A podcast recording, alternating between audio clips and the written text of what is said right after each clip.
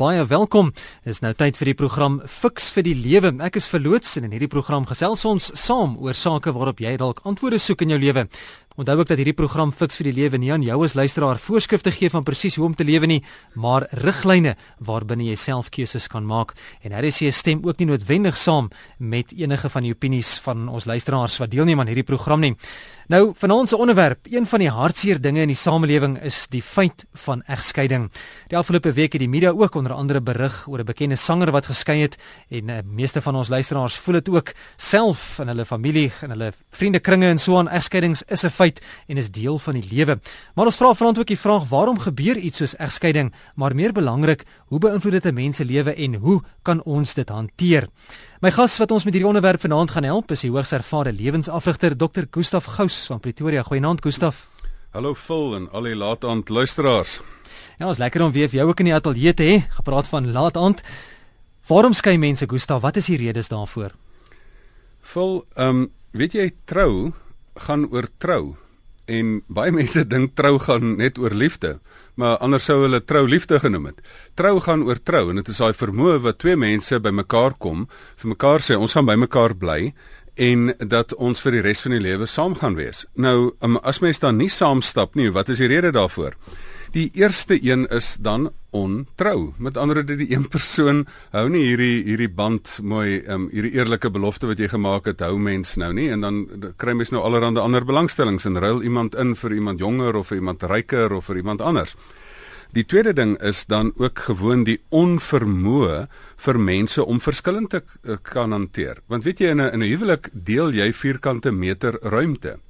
En dit is baie maklik om op 'n vriendskap 'n ding ver af te bestuur, maar in 'n huwelik deel jy hierdie vierkante ruimte en en daar is twee mense met twee persoonlikhede met twee verskillende wille met verskillende persoonlikhede en temperamente en familieagtergronde en dit is die onvermoë om dit te kan bestuur en te beheer.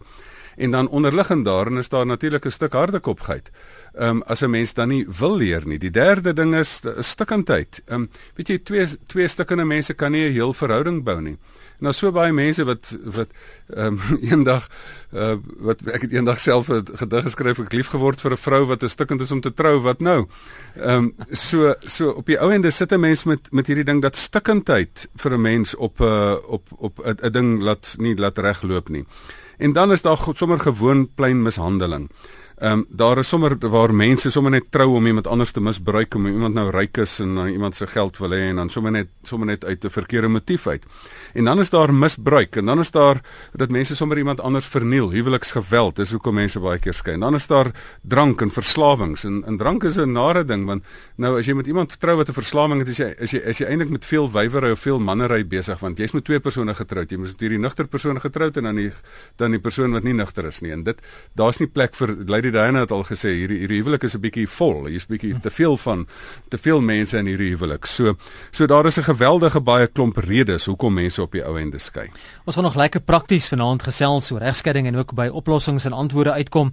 Ek wil ook vir ons luisteraars net vra as jy vanaand wil skakel in die ateljee toe, jy is welkom om dit te doen, maar um, rig asseblief jou vrae oor hoe om dit te hanteer en nie spesifiek negatief te praat oor 'n voormalige eggenoot of lewensmaat nie. Ons uh, doel van vanaand se program is nie om die ander helfte af te te kraak in uh, ons geselse en interaksie vanaand nie, maar wel om by oplossings uit te kom en hoe om dit te hanteer. Hoe maak mens 'n nuwe begin na egskeiding, Gustaf? Weet jy die grootste fout wat mense maak, vul is dat hulle sê dat 'n mens natuurlik wil mense 'n nuwe begin maak, um, maar dat die mense dink 'n nuwe begin begin met 'n nuwe begin. 'n Nuwe begin begin nie met 'n nuwe begin nie, 'n nuwe begin begin met 'n einde. En omdat mense nie klaar maak met die verlede nie, kan hulle nie die toekoms omhels nie. As jy bagasie uit die toek, uit die verlede uitdra, kan jy nie die toekoms omhels nie. So die eerste ding van om 'n nuwe begin te maak is om klaar te maak met die verlede. Um, ek het 'n metafoor in die in die jare gelede het ek seminare daaroor aangebied wat ek genoem het transito seminare mense wat tussenin tussen in in in transito is tussen die verlede en die toekoms. En die beste metafoor wat jy daarvoor kan kry is eintlik die uittog uit Egipte. In Egipte was daar 'n werklikheid waar mense gesinne gehad het, hulle het huwelike gehad, hulle het huise gehad, hulle het kinders grootgemaak in daai proses. Maar om een of ander rede het Egipte nie gewerk nie. Um, en daarom moes hulle deur diep waters gaan die Rooi See om om daar uit te kom. Ehm um, maar dan dink baie mense nou sit deur die diep waters, nou kan ek sommer met 'n nuwe begin begin. Maar dan besef hulle nie dit dit laat jou uitbond in die woestyn nie. Jy's nog nie in die beloofde land nie. So verandering is nie 'n twee-fase model nie, dis 'n drie-fase model. Dit is jy moet eers 'n tussentyd hê voor jy dan met 'n nuwe begin kan begin. En ek dink in die, die woestyntydperk, daai tussentydperk het twee verskriklike belangrike take. Jou direkte vraag is wat moet jy doen om 'n nuwe begin te maak? Jou eerste taak is jy moet ophou om terug te verlang na die vleispotte van Egipte. Want mense moet besef dat mense is in jou verlede met 'n rede. En daai rede is as hulle as hulle as hulle daar nie 'n rede daarvoor was nie sou hulle nou in jou hede en jou toekoms gewees het. So wat ook al die rede was en of dit dalk jou eie toedoen is of 'n ander persoon se toedoen is of 'n derde persoon se toedoen is, daar is 'n rede hoekom Egipte nou nie meer daar is nie. En die fout wat mense maak is dat hulle terugleef en nie vorentoe leef nie. En dat hulle dan deur daai diep waters wil gaan. Die tweede ding wat jy in die, in die woestyn moet doen, is die Israeliete daar amper die 10 gebooie gekry wat wat vir my die kompas is, die die GPS is wat jy moet um, moet in die toekoms beplan. So dan moet jy vir jou 'n roete kry, waardes kry, nuwe dinge kry om in die beloofde land in te gaan. So ek dink hoe maak jy 'n nuwe begin deur klaar te maak en jou reg te maak. Ehm um, so ek dink dit is dit is dit is die kort antwoord daarop.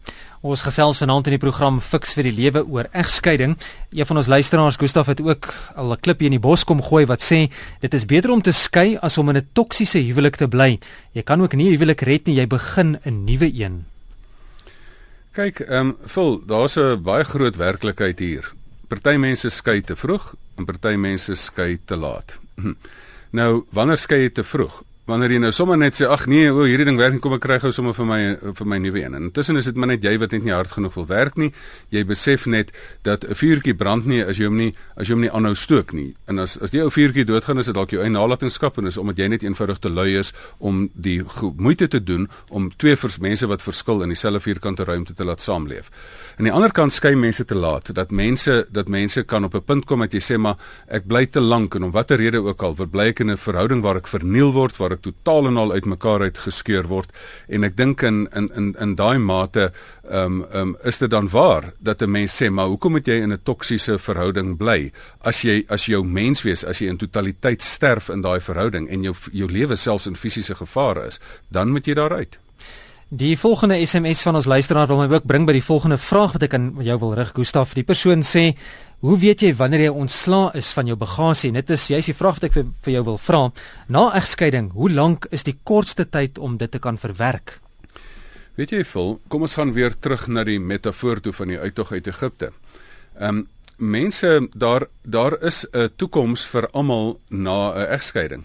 En die toekoms is nie noodwendig altyd 'n verhouding nie. Jy moet vir jouself afvra, moet ek weer in 'n verhouding wees of moet ek enkel wees vir die res van my lewe? So, ehm um, die toekoms wat vir jou daar is, is nie noodwendig dat jy onmiddellik 'n nuwe verhouding moet ingaan nie. Die die die fout wat mense maak is dat hulle dalk te gou weer in 'n nuwe verhouding ingaan. Want um, na my mening hoef dit nie 40 jaar te vat nie. Jy hoef nie in die woestyn te sterf nie, maar jy kan ook nie onmiddellik letterlik uit die verlede in in die hede instap nie. As jy dit doen, dan gaan jy nog jou nuwe maat soen en dan die ou naam sê en dan 'n lekker groot klap kry.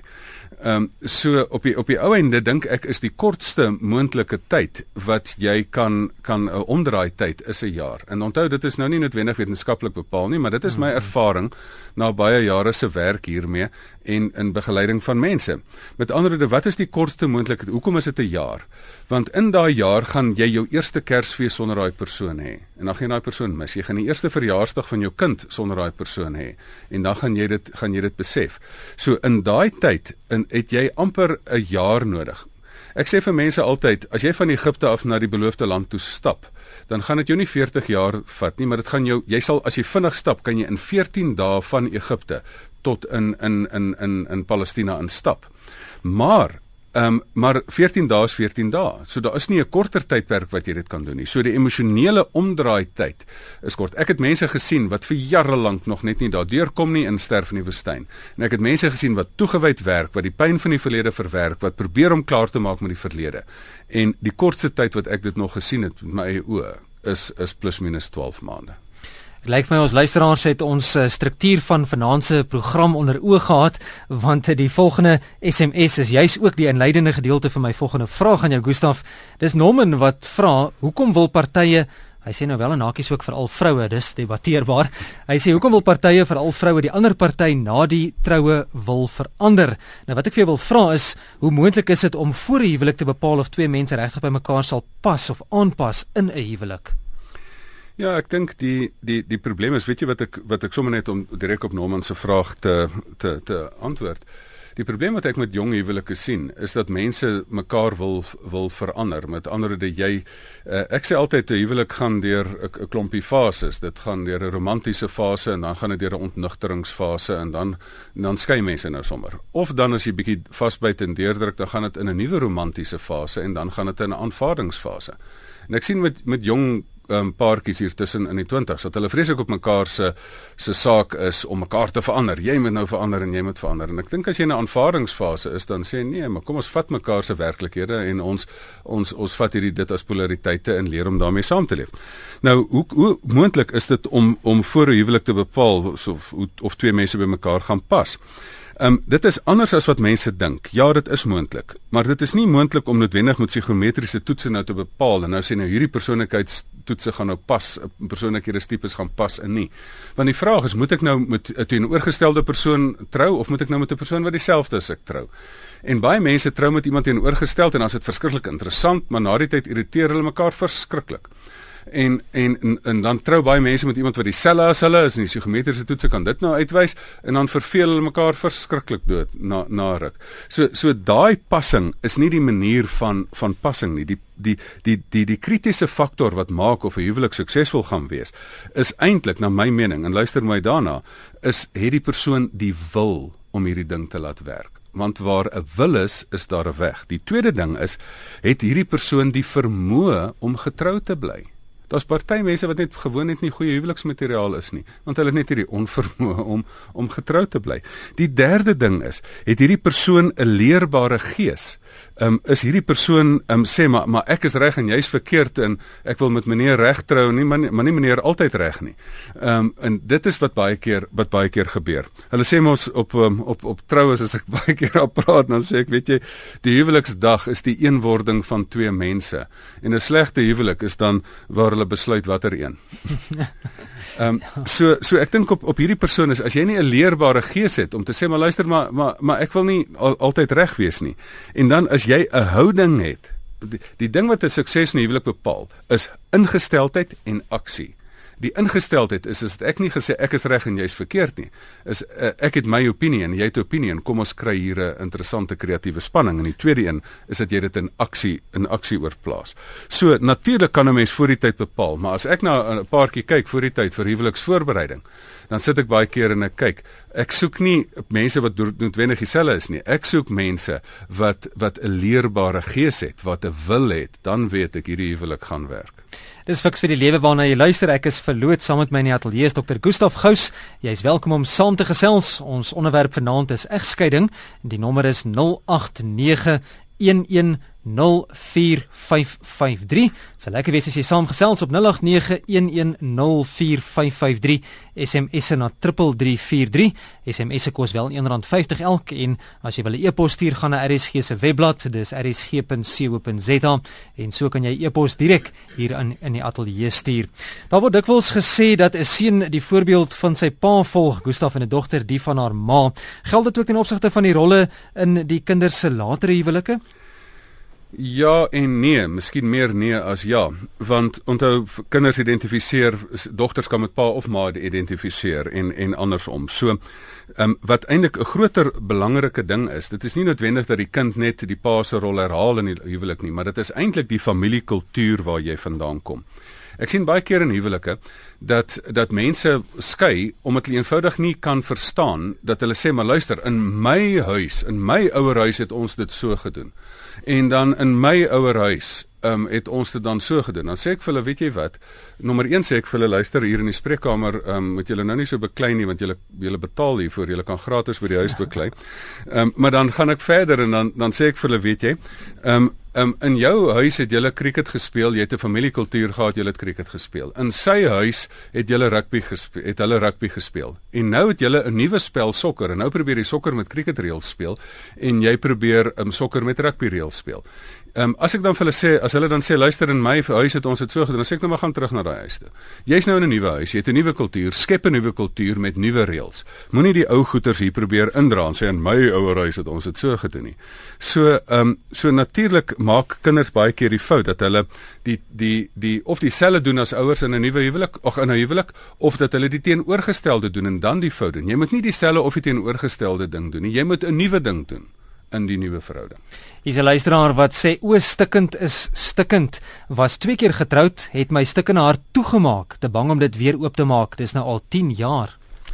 Ja, dit is ehm um, dit is jammer. Ek is bly jy's eerlik daaroor en ehm um, dis goed dat jy daar eerlik is. Maar weet jy daar daar ek glo en ek sou nie in 'n spreekkamer wêreld gewees het as ek nie geglo het mense kan 100% herstel nie. Jy kan lief hê asof jy nog nooit seer gekry het nie en optree vir mense asof niemand jou nog nooit uitgelag het nie. So ek dink daar is totale ehm um, ehm um, herstel is moontlik. Weet jy wat is die nadeel? Mense gee in 'n eerste verhouding gee mens alles en dan sê dan word jou hart gebreek. Dan slaan jy nou 'n bietjie toe. Dan gee jy nou 50% die tweede keer. Ehm um, en dan en omdat jy net 50% gee werk dit nie en dan slat jy nou heeltemal toe. Nou sê jy nou nou gee ek glad niks meer nie. Nou vat ek net. Nou wil ek net ander mense soos lemoentjies uitsuig en dis meer. So nou wil ek net vat en dan raak dit 'n destruktiewe seermaak spiraal wat wat net nimmer eindigend is. En ek dink in daai opsig moet 'n mens op die punt kom dat jy sê maar ek kan weer vertrou. En weet jy wat as en, en ek wil vir ons luisteraar vanaand sê, ek wil vir jou 'n vraag vra. Ek wil vra, is dit is dit dat jy ander mense nie weer vertrou nie of is dit dat jy jouself dalk nie vertrou om weer seer te kry nie? En en as jy weet herstel moontlik is, dan kan jy weer lief hê. Um en as jy liefhet, weet jy mens gaan seer kry want al sterf het jy wonderlike verhouding en in jou huweliksmaat sterf, gaan jy seer kry. Maar mens moet weer lief hê asof jy nog nooit seer gekry het nie.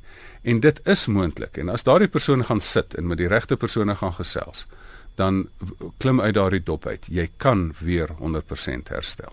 Jy het in die inleiding van hierdie program Gustaf gepraat van ander invloede in 'n huwelik, gepraat van ander persone of drank is ook onder andere genoem. Watter invloed het huweliksonmin of selfs drankmisbruik deur een of albei ouers, iets soos losbandigheid, uh, op spesifiek die kinders ten opsigte van hulle siening van 'n huwelik?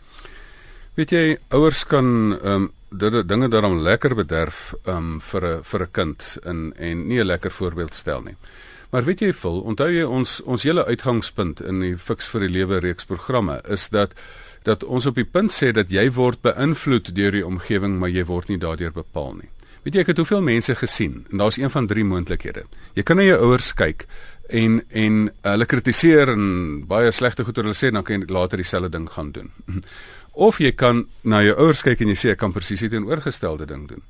Um, en wat mense baie keer dan doen, dan vat jy die fout en jy maak hom na die teenoorgestelde kant toe. So jy's jy's jy gesien jou ouers het hierdie kant van die perd afgeval en nou maak jy die korrektief so groot en swaai die pendulum so groot dat jy die ander kant van die perd afval.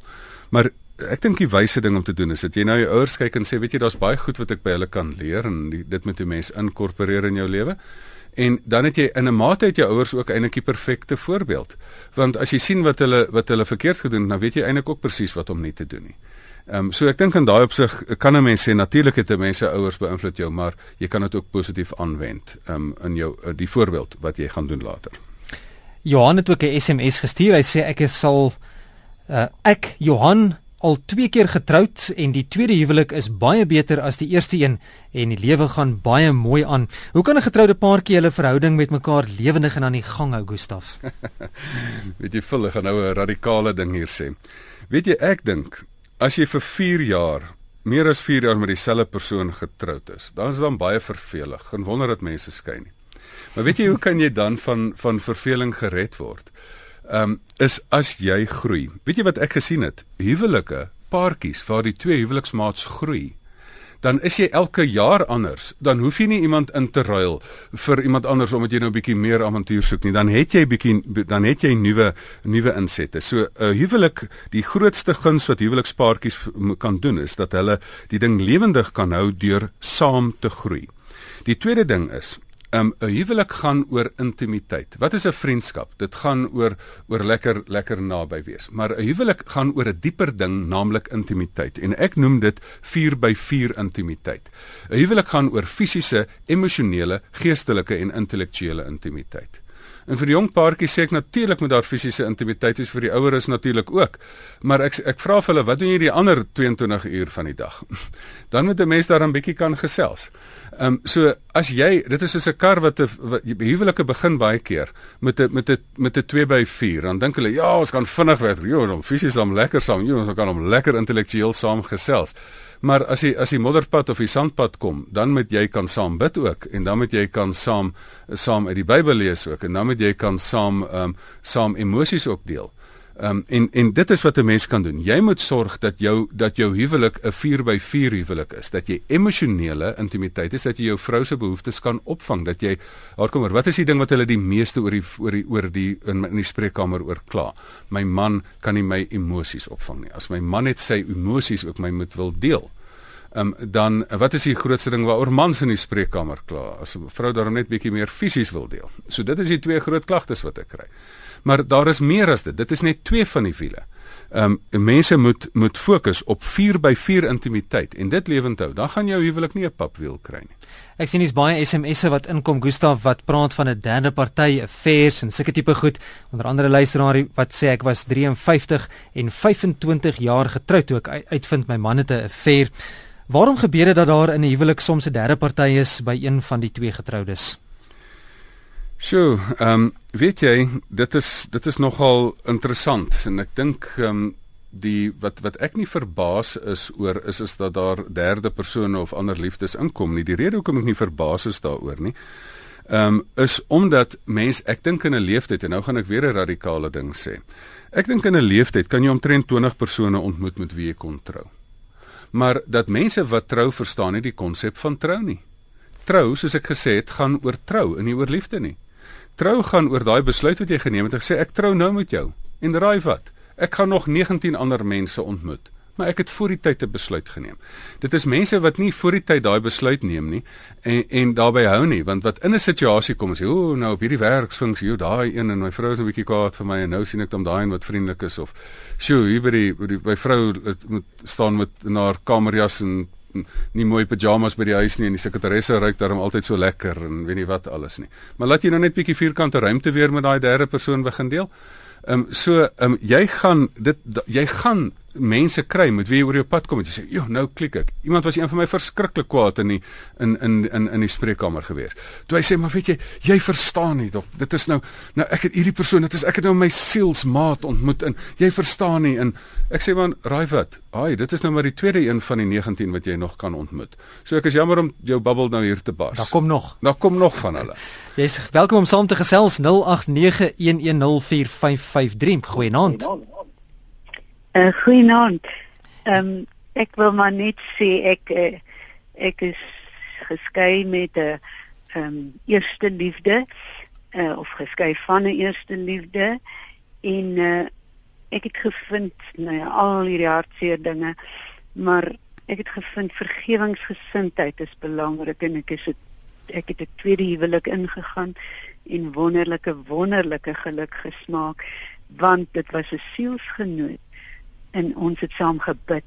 Ek en my eerste man het nie saam gebid nie. Ons het saam gewerk en saam vet gehad, maar nie saam gebid nie. En dis baie belangrik in huwelik. Baie baie dankie vir daai inset. En ek dink daar bewys dit net die 4 by 4 um, aspekte van huwelik, van dat jy saam moet bid en jy moet saam fisies lekker saam kan wees, jy moet emosioneel mekaar kan vind en intellektueel en saam kan gesels. Maar om nog verder te gaan op jou vraag van hoe kan 'n 'n paar keer 'n verhouding lewendig hou en aansluiting hierby. Ek vra altyd vir mense en ek het die woord by my pa geleer. Hy het gesê maar is jy liefhebbaar? Ehm um, nee, ehm um, is hierdie ander persoon my lief nie. Maar is dit maklik om jou lief te hê? Is dit is dit lekker om jou lief te hê? Ek vra altyd vir mense, is dit dink jy dis lekker om met jou getrou te wees? Hm. Ehm um, dis 'n moeilike een om jouself in te sit. Een persoon het eendag eendag oor gevra en ek het gesê, dink jy dis vir jou vrou lekker? As jy met 'n dronk lyf jou roes lê en afslaap en nog af afslaap op die bed en nog aan knoffel lê en ruik daar. So dink jy dis lekker om met so 'n persoon getroud te wees. En en dan moet jy vir jouself sê maar right, ehm um, uh, mm. as uh, nie bruid in die skuit en nou is die mooi praatjies uit nie. Jy moet aanhou aanhou op die ount sê maar luister as hierdie persoon my weer kon kies sal die persoon my nou kies as die persoon my in hierdie omstandigheid sien. Gustav was baie mense met seer as ek so die SMS lyn dophou wat deur egskeidings gegaan het. Watter invloed het 'n egskeiding op twee getroudes? Weet jy vol, dit is miskien is dit van die van die diepste seer want mens want dit is die mense wat die naaste aan jou is wat jou die seerste kan maak. Want in ander mense het jy skanse, maar in 'n huwelik maak mens laat val mens al die skanse en en as 'n mens in daai opsig is iemand 'n dolk in jou hart druk of wat ook al, dan is dit dan is dit geweldig um, seer. Die ander rede hoekom dit dit so geweldige invloed het. Niemand trou met die doel om mekaar seer te maak nie. En almal het 'n geprojekteerde toekoms om same goeie familie te hê, dalk saam kinders te hê, saam oud te word. En en wanneer egskeiding plaasvind, dan skielik word die mat onder jou voete uitgepluk. Dan is skielik is die toekoms nie meer wat hy was nie. Skielik moet jy van moet jy van voor af begin. So dit het dit het 'n geweldige um, invloed.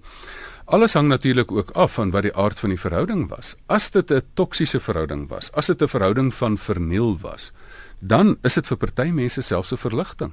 So so het dit 'n invloed op jou? Ja, maar mens weet nooit. Dit is van individuele geval tot individuele geval wat die invloed is. Ehm um, al wat ek sê is vir mense wat pyn het vanaand. Ek wil net sê jy moet vanaand glo daar is al al het dit jou beïnvloed, al het dit jou toekoms weggeneem. Ehm um, daar is vir jou weer 'n toekoms. Ehm um, Jeremia 29 vers 11. Die Here wil vir jou toekoms gee, verwagting. As jou toekoms weggeneem is, die Here gaan weer vir jou 'n toekoms gee. En jy moet aan daai geloof vashou. Al sien jy vanaand niks daarvan nie, moet jy daaraan vashou. Ons het nou gepraat van die invloed wat dit het op die getroude self, Gustaf, maar daar word altyd gesê dat die kinders is die wat gewoonlik daaronder ly wanneer daar 'n egskeiding in 'n familie of in 'n gesin is. Hoe beïnvloed 'n egskeiding dan juist die kinders in so 'n huwelik? Wel natuurlik het dit 'n geweldige effek op kinders. Dit hang ook af hoe oud die kinders is. As as kinders um, onder 16 is, dit is baie interessant dan is dit vir hulle vir hulle geweldig traumaties want um, uh, want want wat die kinders nie besef nie is dat pa en um, pa en ma skei, maar hulle dink baie keer dat hulle moet met ten alle koste pa en ma bymekaar hou. Daar's gevalle waar die kinders selfs jok en vir ma sê pa sê eintlik is lief vir ma en andersom om die kinder om eintlik pa en ma bymekaar te hou. En en kinders het daai tyd nog nie altyd die morele oordeel om te sien maar hoekom met die werk hierdie ding nie. So ehm um, so daar's daar's geweldige verskeuring wat plaasvind. Ehm um, die ontwrigting, die die nou het ek twee huise. Nou uh, is ek 'n naweek hier en 'n naweek daar en en ehm um, die die terugkom van as ek by die pa was of by die ma was en as ma in konflik en pa in konflik saamleef en by die hek staan en skree en dis meer, dan is dit dis geweldige pyn. Dit is ek dink nie ons het 'n idee wat dit die effek dit op kinders kan hê nie. Daar's een vreemde ding vul wat ek raak gesien het wat ek nie in boeke gelees het nie maar in die praktyk gesien het en dit is een daar's een positiewe geleentheid in kinders wat uit 'n egskeiding uitkom en dit is wanneer die die hof kinders toegedeel het en sê maar een naweek is ek nou by by by pa en dan die ander alternerende naweke in dies meer dan dan is dit asof die kind wat in 'n egskeidingssituasie is meer aandag kry want as jy in 'n gewone huwelik is dan gee pa en ma maar mekaar aandag elke naweek Maar as pa nou minstens die kind hierdie naweek kom, dan gee hy ekstra aandag aan die kind. So dit is amper soos batterye in 'n flits. Party batterye is in serie en 'n rytjie gelaai en party is parallel. 'n Huwelik is parallelle ouerskap. Met ander woorde, as ma bietjie moeg is, dan gee ek tyd oor vir pa en dan kan ma bietjie 'n slaapie vat of so iets. Maar in in in in serieleierskap is um, is dan is dit die pa, dan sit die ma en dit is hier en daar kry mense dit dat 'n kind amper meer aandag kry in so 'n situasie. So daar's ook 'n vreemde geleentheid hierin. Ons praat oor egskeiding vanaand in die program Fix vir die Lewe. Jy's welkom om saam te gesels. Ek is verloot saam met my Dr. Gustaf Gous in die ateljee 0891104553. As jy dalk 'n vraag het of net ietsie met ons wil deel, jy's welkom 0891104553. SMS na 3343 en e-pos deur middel van RSC se webblad rsg.co.za. Baie interessante vraag hier van 'n luisteraar wat sê mag 'n mens weer trou na 'n egskeiding as jou man of vrou nog lewe? Help asseblief. Dis seker 'n aanleiding van jou beloftes wat jy gemaak het tot die dood ons skei. Ja. Ek dink ehm um, dit is vir baie mense 'n diep diep geloofsaak ook van ehm um, van 'n hoe mate moet mense dit nou hanteer? Want ehm um, die die die die vir die, die Here hou nie van egskeiding nie en dis meer so maar natuurlik hou die Here van geen stikkindheid op aarde nie. Weet jy, ek dink die antwoord op daai vraag is ja, natuurlik mag jy weer trou, natuurlik is daar 'n toekoms um, vir alles, na alles en jy kan kan weer trou, maar ek dink mense moet by die by die by die punt kom van ehm um, hoekom het daardie verhouding uitmekaar het gegaan ook. Ek bedoel as as 'n verhouding, as 'n verhouding, as daar byvoorbeeld egbreek was, die die die die die daar's 'n baie duidelike riglyn. As daar egbreek was, wat is egbreek? Die eg is gebreek. En as die eg gebreek is, dan dan is daar nie meer 'n verhouding nie. So ek dink in in daai opsig moet 'n mens weet, daar is 'n rede hoekom jy eintlik van iemand mag skei. Kan nie sommer van enige onsinnige rede skei nie omdat hierdie persoon nie sy skoene in die kas wegbêre nie. Ehm um, daar is daar is 'n rede hoekom 'n mens mag skei. Goeienaand, jy's by Fix vir die Lewe. Hallo, vol. Ja, ons hoor vir jou goeienaand. Hoe gaan dit vanaand? Dit gaan baie goed, dankie self. Mag ek klaar nie. Mooi. Ek wil ook nou ek wil ook nou net met julle deel. Ek is ook nou newly divorced. Dit is 'n baie interessante program wat julle het vanaand. En ek hoor veral van die die kinders. Ek Mm. sien dit in my laaitjie is 7 jaar oud en my meisie is 4 jaar oud. Hulle vat dit verskriklik erg. Hoe lank terug is Ehm. jy nou geskei as ek jou mag vra? Uh 3 weke. Ja, dis nog vars. Ons is nou omtrent so 8, 9 maande uit mekaar uit dan. Mm. Het ons nou maar op verskillende huise bly en nog voor ons nog geskei is, het ons nou al ooreengekom van elke tweede naweek wat ook al. Maar ek wil net daar een ding hoor. Die kinders wil nie regtig vir my wees nie, vir een of ander rede. Ehm um, die laities sal byvoorbeeld op Vrydag aand sal hy saam met my huis toe kom en so en my seun sal eers Saterdagoggend. Sy wil net een aand slaap Ja. Ek wil nou net min of meer weet wat gaan daaroor. Ek was Ja, dis snaaks ding. Ek is vanoggend 4 uur as ek gebel. Ehm um, die vrou het migraine. Ek moet net kom help met die kinders. En sy weet vir hulle sê ons gaan nou huis toe gaan vir mamma eers los dat sy netjies slaap en gesond word. Dit was nou 'n groot storie geweest. En toe ek en sy nou weer uitval gehad en ja, dit is dit is nou vir die kinders. Probeer dit nie vir die kinders doen nie, maar ja, dit het nou vir die kinders gebeur vanoggend. Ja, ja. Gaan jy by die Ja. radio luister dat um, Gustaf jou 'n bietjie raad en advies Nee. daar gee? Ja, ek wil graag so soort as jy dalk net so oor die lig kan sê, ek wil graag kontak hê met daai ou. Ja, ons gaan die kontakbesonderhede gee. Is reg. Baie dankie. Dankie vol. Mooi aand, totsiens. Hey.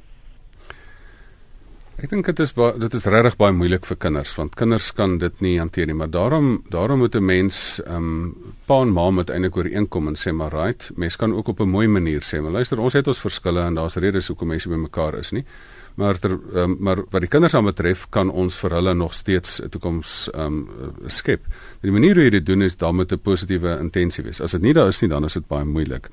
Maar ehm um, wat wat die kinders aan betref, dit is dit is baie belangrik vir jou dat jy 'n gesprek voer. Dat jy vir die kinders sê, "Pappa en mamma het geskei, maar ek skei nie om jou pappa te wees nie en mamma skei nie om jou mamma te wees nie. So jy gaan nie jou pappa of mamma verloor nie." Dis die eerste ding. Die tweede ding is, wanneer die kinders by jou is, ehm um, is dit baie belangrik dat mense hulle emosioneel integreer, dat mense dit vir hulle vir hulle lekker maak. Ek het baie ek het baie geleer by by mense wat wat geskei is wat as as die kinders van pa af terugkom of van ma af terugkom dan maak hulle dit lekker. Hulle kom nie dadelik in en raas nie. Hulle sit koffie aan, sit bietjie musiek aan, maak dit lekker. As daar by die huis instap is daar 'n lekker atmosfeer. So skep daar 'n skep 'n lekker atmosfeer met die met die oorgange.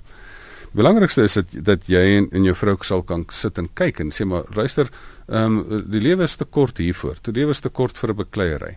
Um, ons het geskei, maar ons het kinders. En wat mense snap nie skei nie. Ehm um, hulle as jy as jy trou dan raak jy verweef emosioneel, finansiëel, ehm um, geografies, fisies, biologies, ehm um, geestelik jy- of iemand bid en dis meer.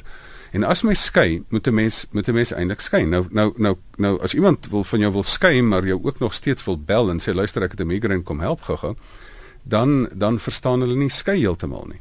Ehm um, ehm um, wanneer wanneer uh, ouers skei wat kinders het, dan moet jy skei in alle opsigte behalwe wat die hof vir jou gesê het finansiëel en wat jou kinders betref. En daai is die punt van van van van van bymekaar bly en dit moet 'n mens baie mooi bestuur.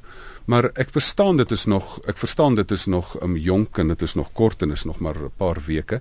Maar in daai opsig sal julle mooi by mekaar moet kom dat julle sê maar luister, ons sal suksesvol moet skei hierso. Ons sal ehm um, of of ons is getroud of ons is geskei, maar ons is nie so tussenin nie.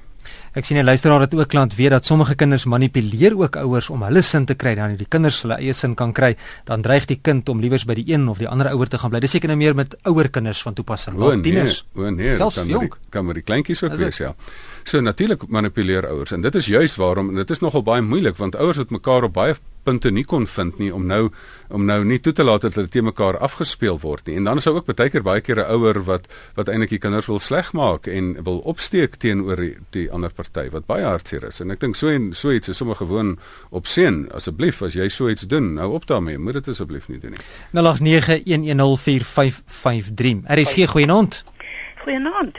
Ag ek wil net weet, hierdie program, kan 'n mens dit soos party van daai ander programme wat jy kan kyk, ek het nou nie ehm um, my man het nou komputers en goed by sy kantoor, maar ek is so ongeletterd met die goed.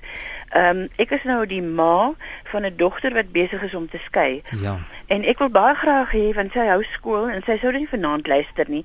Hê sy moet hierdie program luister. Kan sy op 'n manier ingaan op die internet of wat jy dit ook Ja. al noem? Ja, dit is beskikbaar op Potgooi. Dit sal seker môre gedurende kantoorure opgelaai word. Dis Ja. uh, jy gaan net na RSG se webblad toe rsg.co.za onder Potgooi tik jy net in Fix vir die lewe en dan kan jy hom so aflaai. Fiks vir die lewe. Fix vir die lewe op RSG se webblad onder Potgooi, die Potgooi skakel. Ja. Ag baie dankie. Ek dink dit is 'n baie baie insiggewende program. En as jy 'n slimfoon het, kan jy dit van jou foon af ook doen. Ja. Ehm um, het jy nou net gesê is 'n uh, uh, wat van RSG die lewe? we- RSG se webblad, Ja. dan gaan jy onder die Potgooi skakel Ja. en dan tik jy net in Fix vir die Fiks lewe. vir die lewe. Goed. Baie baie dankie. Dis 'n plesier. Mooi aand.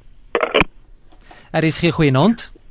Uh, Goeienaand. Uh, dis uh, Lini hier van Klerksdorp. Hallo Lini. Uh, ek wil graag my dogter is besig uh, in 'n verhouding uh, wat nou al 12 jaar gehuwelik 12 jaar uh nee waar twee kinders uitgebore is maar haar man is onstabiel. Hy hy werk wat soms dan werk hy vir 6 7 maande glad nie en hy verneder haar en slaan haar en goed. En nou toe hulle die egskeiding aansit het hy weer met verskriklike mooi praatjies na toe gekom. En ek as ma sien my kleinkinders agteruit gaan deur dit en uh, ek het al probeer om nie in te meng nie en uh, as ek by die werk kom by my dogter en, en goed dan sien ek hoe uh, sy aangeraam. En uh, toe ek eendag polisiestasie toe gaan ek het gehoor wat kan 'n mens doen oor die aanranding en goed. Maar weet jy niemand het vir- gee of my breede kant het vir my gehelp om ehm um, hulle sê ek mag nie inmeng nie. Ek mag nie ehm um, maar ek sien my kind agteruit gaan. Ek sien my kleinkinders en wil nie die pa sien nie. Hmm. En dit is verskriklik. Dit is die die seentjie word die 1 April word hy nou uh, 11 jaar oud en die ou dogtertjie is 7 jaar oud. En hulle het geen respek vir hom nie. En mm, sy probeer sy sê hoorie sang gou vir pappa julle skool lied of iets. Gaan lag hulle vir sê hulle "Mm, mm, hulle gaan dit nie doen nie. Jy weet? Ja, Hulle- ja. Hulle het nie 'n vaste uh, verblyf nie. Hulle bly rukkie hier en dan 'n rukkie daar. Nou wil sy dit heeltemal stop sit, maar hy het beloof haar nog vreeslike lelike dinge en maar dan in elk geval dan vat sy hom maar weer terug. Wat kan ek as ouer doen om haar te help? Gaan jy vir by die radio luister? Ja, nee, ek gaan nou by die laer. Dankie hoor. Baie dankie, mooi aand, totsiens. Ehm um, Lini, ja, ek kan jou bekommernis verstaan en ek dink die belangrike is wanneer daar huweliksgeweld is, moet dit onmiddellik aangespreek word. Geen mens mag in 'n situasie van huweliksgeweld ehm um, leef nie en jy moet onmiddellik eintlik daaruit. Ehm um, die die vraag wat 'n mens vir jouself moet afvra, ek wil ek het ehm um, ek het van my vriende in in die beraadingsspreekkamer wêreld het gesê daar's mense wat na hulle toe kom en sê maar luister, ek het nou al vir die 12de keer is dit nou al gebeur of die 13de keer het dit gebeur en en dan dan sê hulle net maar ek moet hom nou maar weer vertrou en dis meer. Maar daar's net een vraag wat jy vir jouself moet afvra. Vir jouself afvra is nommer 1 wat het of twee vrae, wat het gebeur en wat is anders? En niks gaan anders wees as niks anders is nie. En mooi praatjies is daar's meestermanipuleerders daar buite. Daar's mense wat met geweld manipuleer en dan probeer 'n sagte kant wys en iemand so in 'n web intrek. En daarmee jy jou dogter help om haar sterk te maak om 'n besluit te neem om om gewoon net daar uit te gaan. Geen persoon mag of moet in 'n situasie van huweliksgeweld voortleef nie en as so iets gebeur moet daardie persoon voor die wet ge, ge, gesleep word sodat daardie persoon dit nie kan. Geen persoon mag 'n ander persoon in 'n huwelik verniel nie. Gustav as mens kyk na die hoë egskeidingssyfer nie net hier in Suid-Afrika nie maar wêreldwyd alhoewel in Suid-Afrika dit ook baie hoog is is daar baie mense wat sê paartjies moet dalk eerder eers saam woon om te kyk of hulle by mekaar kan pas al dan nie voordat hulle in 'n huwelik ingaan. Hoe goed of sleg is so iets? Weet jy veel kom ek sê daar's wat is die rede hoekom mense dit aanvoer? Hulle sê maar ons moet mekaar leer ken. Nou in enige huwelik is daar's niks fout met die rede nie maar ek ek is nie so gemaklik oor saam woon nie. Kan ek ek sou vir jou sê hoekom Ehm um, natuurlik moet 'n mens mekaar leer ken. Jy moet voor die tyd mekaar leer ken en jy moet sê maar right, is ons pas ons by mekaar en dis meer. Maar saamwoon is 'n baie intense ding om saam te doen. Dit is om om saam in te trek. Sê nou maar jy vind uit dit werk nie. Dan is daar 'n geweldige emosionele verskeuring wat moet plaasvind om weer daaruit te kom. Dit is eintlik soos 'n miniatuur egskeiding. Ehm um, so uh, dit is baie keer ook omdat mense nie verantwoordelikheid wil vat nie. Jy kan genoeg. Ek ek moet vir jou eerlikwaar sê vol. Ek is een van die persone wat glo jy kan genoeg dinge saam doen um, om mekaar te leer ken op alle vlakke fisies, emosioneel, um, sielkundig en geestelik, um, sonder om saam te woon om uit te vind of 'n mens by mekaar pas. Ehm um, so ehm um, die nadeel van saamwoon is as dit dan nou nie uitwerk nie, hoe hoe trek jy nou weer uit? Dit is baie groot moeite. So ek vat 'n baie soos die Engelse sê common sense um, uh, uitkyk op hierdie ding en ek sê ek is nie lekker gemaklik daarmee. Die tyd besig om ons vinnig in te haal. Gustaf, hier sê e-pos wat deur middel van die webblad hier aangekom het is Leon van die Kaap wat sê daar is 10 gebooie, nie 9 nie. Vergewe en versoen, moenie skei nie. God verander mense. God bedoel regtig dat egbreekers die koninkryk nie sal beerwe nie. Trek uit, maar nie uit die huwelik nie. Ek dink dit is 'n uh, dit is 'n standpunt ehm um, wat wat baie mense ehm um, uh, handhaaf, maar op die ou ende is daar in die werklikheid dink ek jy moet so 'n bietjie anders daarna kyk. Want ek bedoel mense wil ook dan Korintiërs 7 vers 10 en 11 aanhaal vir die getroudes beveel ek nee, maar Here, maar dat 'n vrou nie van haar man mag skei nie en so mag 'n man ook nie van sy vrou skei nie. So natuurlik is dit die is dit die is dit die reël, natuurlik is dit die eerste keuse en dies meer. Maar nou wil ek vir vir die luisteraar wat so 'n harde standpunt stel, wil ek Dis Leon van die Kaap. Hallo Leon, wil ek vir jou vra Leon. Sê net maar die lewe gee vir jou 'n keuse tussen goed en sleg. Wat gaan jy kies? Jy gaan natuurlik goed kies. So natuurlik gaan jy sê maar right, ek wil nie skei nie, ek wil eerder in die Bybel sê ons moet dit nie doen nie. Maar sê net maar die lewe gee vir jou 'n keuse tussen sleg en slegter. Wat gaan jy kies Leon? Sê net maar dit is jou enigste keuse. Sê net maar jy's in 'n huwelik en jou keuse is of ek moet skei wat sleg is of ek moet um, in 'n huwelik bly waar ek uitmekaar uit stikkend geslaan word soos ons vorige luisteraar nou gesê het. Wat gaan jy kies Leon? En daarom as daar 'n keuse is tussen sleg en slegter, is die moreel etiese keuse die keuse om dan te kies, nie die slegter ene nie. En en ek wil ek wil jou herinner wat uh, wat 'n uh, uh, advokaat vriend van my broer eendag gesê het. Hy het gesê daar kom 'n paartjie na hom toe en hy en hy's 'n Christen advokaat en hy sê vir hulle ag nee man, vrou kom na hom toe. Sy sê sy sy's lekker word verniel. Sy sê ag nee man, probeer, mense kan verander en dis meer. 5 jaar later kom die persoon weer by haar, totaal in haar menswees stukkend. En hy sê hy tot vandag het hy 'n gewetenswroging dat hy daai vrou teruggestuur het in daai verhouding, kwam suis onder 'n Christelike rede.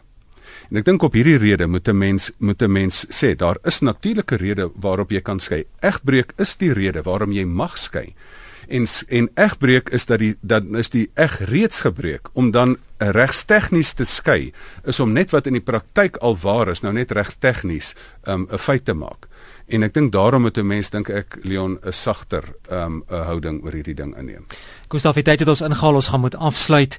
Laaste gedagtes, is daar lewe na egskeiding? Daar is lewe na enigiets. Sure daai liedjie gesing, is daar lewe na liefde.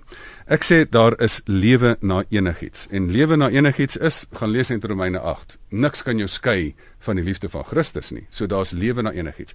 Daar's ook nuwe verhoudinge moontlik na enigiets. Daar's ook totale heelwording daarna mits jy bereid is daartoe en jou nie in 'n skilpad dop gaan toesluit nie.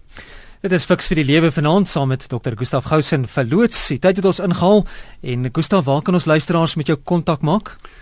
Laat hulle vir my egskeiding so 'n persoonlike saak, laat hulle vir my direkte e-pos stuur na gustaf@gustafgous.co.za.